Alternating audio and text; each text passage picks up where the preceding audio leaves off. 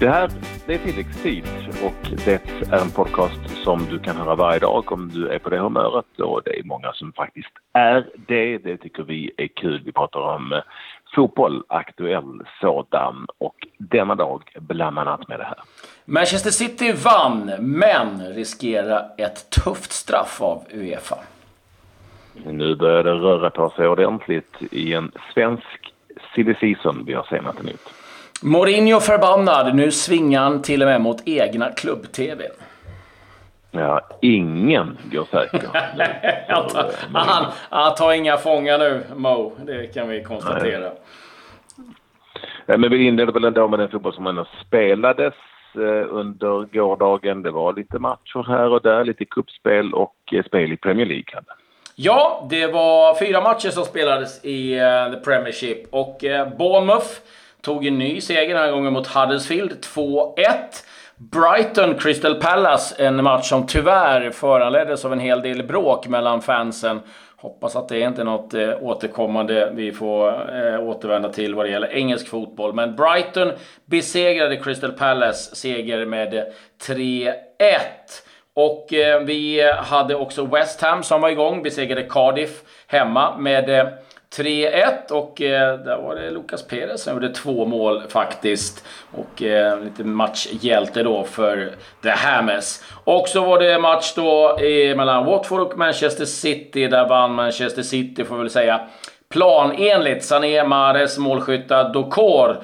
Eh, reducerade 85 och hade väl lite möjligheter men eh, återigen en ny vinst då för Manchester City. Och eh, ja, de fortsätter att imponera. Och eh, det är ju nya matcher som kommer imorgon. Då är det bland annat då eh, Manchester United mot eh, Arsenal. Det blir något eh, att se fram emot. Det var en del andra matcher som spelades. Cupspel har du koll på. Ja, innan dess blev man ju ändå lite så, om än bedrövad, så lite förundrad över att det finns fans i Brighton, Hoven, Albion och Crystal Palace som drabbar samman. Ja. Det ser man liksom inte framför sig. Nej, det är tyvärr faktiskt andra året i följd som det där hände. Så att de verkar ha någon mm. eh, beef där. Men eh, ja, det är riktigt tråkigt. Det har väl ändå varit ganska förskonat ifrån den typen av, av trubbel i, i engelsk fotboll. Hoppas att det inte ser det ligafotboll framför allt då. Ja, det spelas ju cupfotboll eh, i såväl Spanien som i Italien. Vi kan börja med nå resultatet den spanska Copa del Rey. Getafe Cordoba 5-1. Valencia slog Ebro med 1-0. Rayo Vallecano förlorade mot Leganes med 1-0 på hemmaplan och Espanyol besegrade Cadiz. Cadiz tror jag man säger, lite så läspande. Eh, men äm, även matcher som jag sa i Coppa Italia. Eh, där hade vi om inte annat ett, äh, man skulle kunna kalla det för ett svenskt möte va? Mm, ja, det tycker jag. Ja, man lite så hur man vänder och vrider på det lite grann. Det var ändå äh, mötet mellan Bologna och Crotone och i Bologna så vet ni där finns ju både Filip Helander och Mattias Svanberg äh, och i Crotone Marcus Rodén. Bologna vann den här matchen mot Crotone som ju nu är nere i Serie B och håller tungt där. Filip Helander från start och så även Rodén. Rodén mm. faktiskt som ser ut som central mittfältare Fick vi ett inhopp på den gode Svanberg? Nej, det fick vi inte va?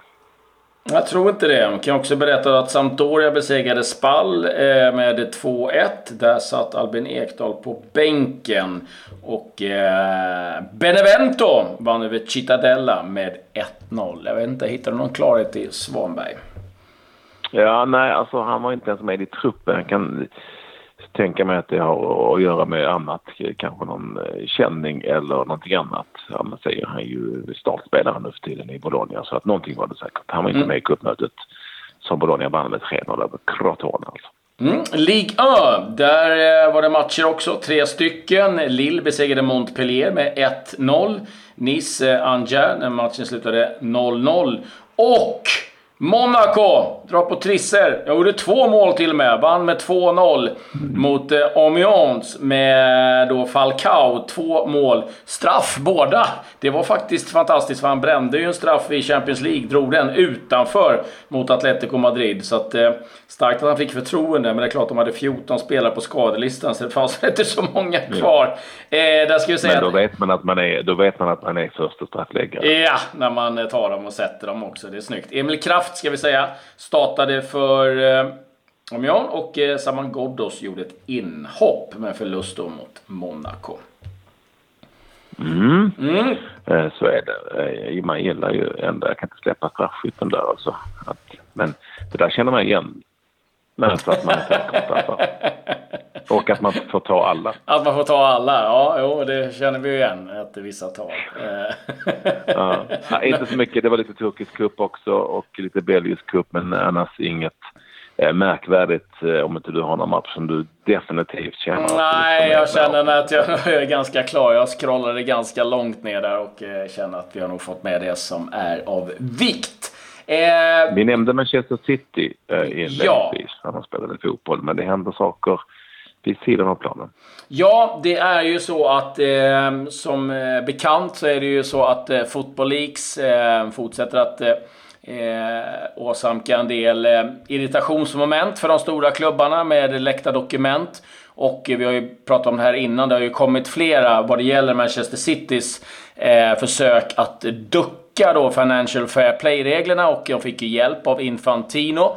Nu har man öppnat upp det här igen och man har satt in en oberoende eh, panel eller som eh, grupp då så att utreda det här. Och från engelskt håll så eh, tror man väldigt mycket på att City kommer att uteslutas ur nästa års Champions League. För att nu sitter Uefa i lite av en rävsax. För att eh, det här är uppgifter som kommit ut. Hur man till exempel med diverse sponsoravtal har sagt att ja, men vi har fått eh, spons ifrån eh, Qatars flygbolag för typ 60 miljoner pund. Nu visar det sig att ja, de kanske egentligen har sponsrat med 7-8 miljoner pund. Resten har ägarna då pyntat in och så att man har förbigått de här olika reglerna. Och det finns en hel del andra saker som eh, framkommit. Det, det är rätt många eh, saker som sitter då eh, har svårt att ja, dölja helt enkelt. Och det är klart att om de bara låter det här passera då faller ju hela Financial Fair Play-systemet ganska platt. Så att de tror nog att de kommer in med hårdhandskarna. Det kan bli något värvningsförbud, men det är ganska uddlöst. Det har de ju kommit runt på flera gånger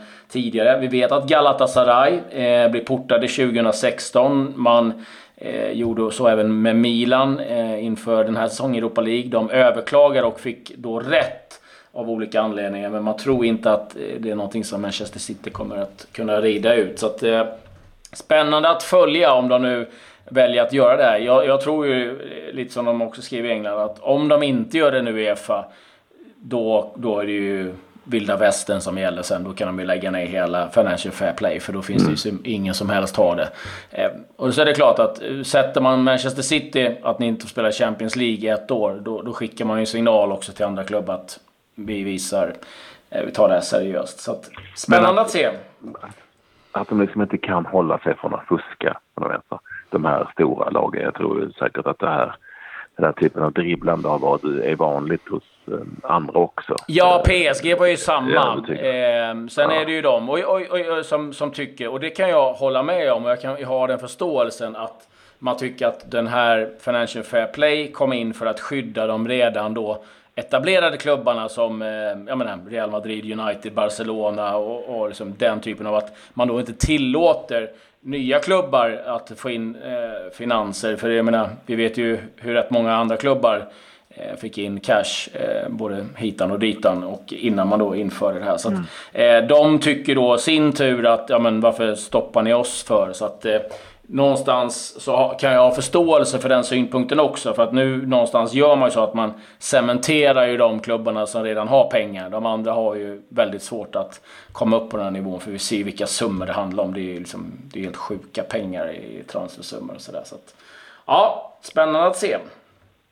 hörde ordet vilda västern innan gjorde jag. Och Ja. eh, eh, jag lämnar liksom ändå över eh, just det här skjutandet Eh, till dig. eftersom eh, du har bäst koll på eh, vad som händer i Manchester United, i, i varje fall i det här sammanhanget, nu när José Mourinho då lite udda ändå har startat ett smärre krig mot klubbens egna tv-kanal. Den tycker jag är lite special trots allt, på tal om att vara the special one. ja, MUTV är det som eh, fick sina fiskar varma på presskonferensen. De eh, ställde frågan hur det såg ut på skadefronten på försvarsspelarna och då lackade Mourinho och sa att eh, det hade inte ens Arsenal TV vågat fråga och de ska inte få några fördelar med att jag ska sitta här och berätta för vår egna kanal vilka spelare som finns tillgängliga eller inte. Och eh, det här är ju inte första gången det här eh, sker, att eh, ja, diverse tränare, spelare lackar på egna eh, kanalen. Vi har ju sedan lång tid tillbaka Roy Keens eh, dundersågning av vissa spelare som man inte vågade sen sända ut. Men jag har ju sett med egna ögon och jag har pratat med eh, folk som har jobbat på eh, typ Manchester Citys eh, tv-kanal. De sa att de fick i stort sett inga intervjuer. Det var några snälla spelare, det här var för ett par år sedan, som ställde upp. Men eh, till exempel TVs ram och Mancini gjorde aldrig några intervjuer ever, inte ens med egna tv-kanalen. Och på Old Trafford efter en match så såg jag reporten eh, innan dömerna och där alla intervjuer görs efter matchen, mer eller mindre stå bönade och bad om att en spelare skulle ställa upp för att göra en intervju. Och till slut, efter mycket av övertalande och fjäskande, så, så fick de ändå en intervju med en av sina egna spelare. Och det, det säger en hel del om eh, vilken miljö det där eh, är i att eh, jobba när inte ens liksom, egna kanalerna knappt får tillgång till spelare och tränare. Och, och det här är ju då sådana här egna eh, tv-kanaler som är rövslickar. Alltså de, ja. de gör ju oftast inte en fluga för när kritik och någonstans känner jag ändå att eh, det blir ju lite fjantigt av Mourinho när han väljer att eh, medvetet poängtera att han tycker att de är idioter på hans klubbs egen tv-kanal istället för att bara svara på en helt vanlig fråga. ja. Han kan väl bara säga att nej, ja, det vill jag inte berätta eller det, allting är bara bra eller vad fan som helst. Jag måste säga att Eh, jag måste säga att det ter sig underligt och det är ju såklart någonting annat som ligger bakom det där. Men, men ja, eh, Mourinho, eh, det är ju så att han uppenbarligen helst tar en konflikt med varenda en som går i hans närhet, till och med inom den egna familjen. Jag vet inte vem som myntade uttrycket, men det är verkligen sant. Han, han kan ju starta en konflikt i ett tomt rum. Det är lite så det känns nu. Mm. Gode Mourinho fortsättning följer helt enkelt. Eh, vi pratade ju innan här om att det händer saker på den svenska eh, spelarmarknaden efter allsvenskan och elitfotbollen och det, det gör det ju faktiskt. Eh, det är ju spelare som redan nu har börjat röra på sig och den mest den stora snackisen kring spelare i allsvenskan som ska ta sig vidare har ju ändå handlat de senaste dagarna åtminstone om Östersunds väldigt skickliga Dennis Widgren, vänsterbacken eller vänsterspelaren, hur man nu ska betrakta det som nu när eh, det spelas med så kallade wingbacks. Han har jagats, eh, har det sagts, av Häcken framför allt, men Häcken gjorde igår klart med eh, Oskar Sverrisson, vänsterbacken ifrån Mjällby.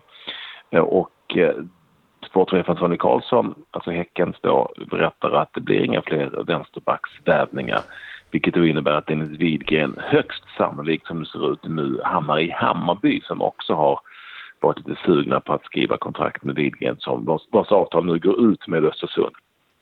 Widgren är lite sugen på att byta. Han är ju en av de där Östersundsspelarna som har varit med i klubben ända sedan de spelade i division 2 och tog sig hela vägen upp till allsvenskan.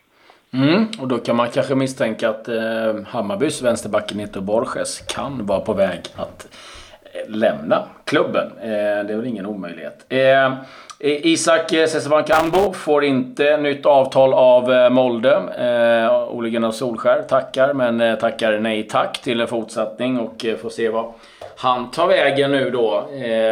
Det kan vara lämpligt att försöka hitta någon klubb i Sverige och få lite fart på speltiden igen. Också Dalkurd, det som vi var i Allsvenskan, åkte ut Eh, där meddelar man att åtminstone sju spelare kommer att eh, lämna klubben. Där är dessutom eh, sju spelare som varit ja, några av dem väldigt givna. Några är ju på lån. Sixten Molin, målvakten till exempel, tillhör egentligen Malmö FF. Det var ett tag sedan han spelade där, för han har varit iväg. Och Ebba Ceesay lämnar ju sedan tidigare då till Sirius. Men ja, det, det är spelare som Edo Markkanen, Andrew Stadler, eh, Ahmad Ahmed och några till, Smail Suljevic som nu eh, lämnar Dalkurd som på något vis då får börja om i Superettan. Det är risk att det blir ett rejält ras där, ehm, kan jag tro. Eh, de har behövt eh, lite stålar från Fifa, för det är en del allsvenska klubbar som har fått efter VM då. Och MFF, inte helt oväntat, får mest, 2,1 miljoner. Östersund, 2 miljoner. Hammarby 1,8 miljoner, Norrköping 1,1 miljoner, Elfsborg en halv miljon och Djurgården 370 000 kronor. Det är ju välkommet tillskott givetvis. En som kanske hade behövt lite hjälp, det är Klopp. 92 000 fick han i böter för han sprang in och jublade när Origi gjorde 1-0 i derbyt. Jag tror inte, det drabbar ju ingen fattig. Jag tror att han kan ta de bö böterna eh, ganska eh, lugnt. Eh, vi har också en eh, debutmatch för Sol Campbell som så länge har eh, önskat att få ett jobb. Nu fick han ju det. Macclesfield. Och eh, det blev eh, förlust på straffar i debuten mot Newcastles U21-lag i eh, EFL Trophy. Det är eh, eh, kuppen för League 1 och League 2-lagen plus sen något år tillbaka U21-lagen i Premier League. Och det var faktiskt första gången på 144 år som Macclesfield förlorade en straffläggning. Så det var ingen vidare start för Sol, Sol Campbell. Men vi, vi håller tummarna för Sol att det ska gå bättre eh, framöver. Macclesfield, var det? Mm, Macclesfield. Mm. Ligger rätt risigt, alltså du har rätt där. Ja, bara en sån sak. Han ligger rätt risigt till i League 2. Så att han har att göra, Sol Campbell kan vi säga. Ja, nej, det är inte, han har inte hamnat i, i paradiset heller. Nej, just det! Det ska vi säga. Eh, måste säga grattis till Anton Tinnerholm. Utsedd till Årets back i New York City. En bra första säsong i New York, Anton Tinnerholm. Med det så eh, hade jag inget mer att rapportera, men inte du har något? Ja, jag sparar det till imorgon. Då hör ni oss igen här i tilläggstid. Tack för att ni får vara med oss. Nu säger vi hej. Adjö. Música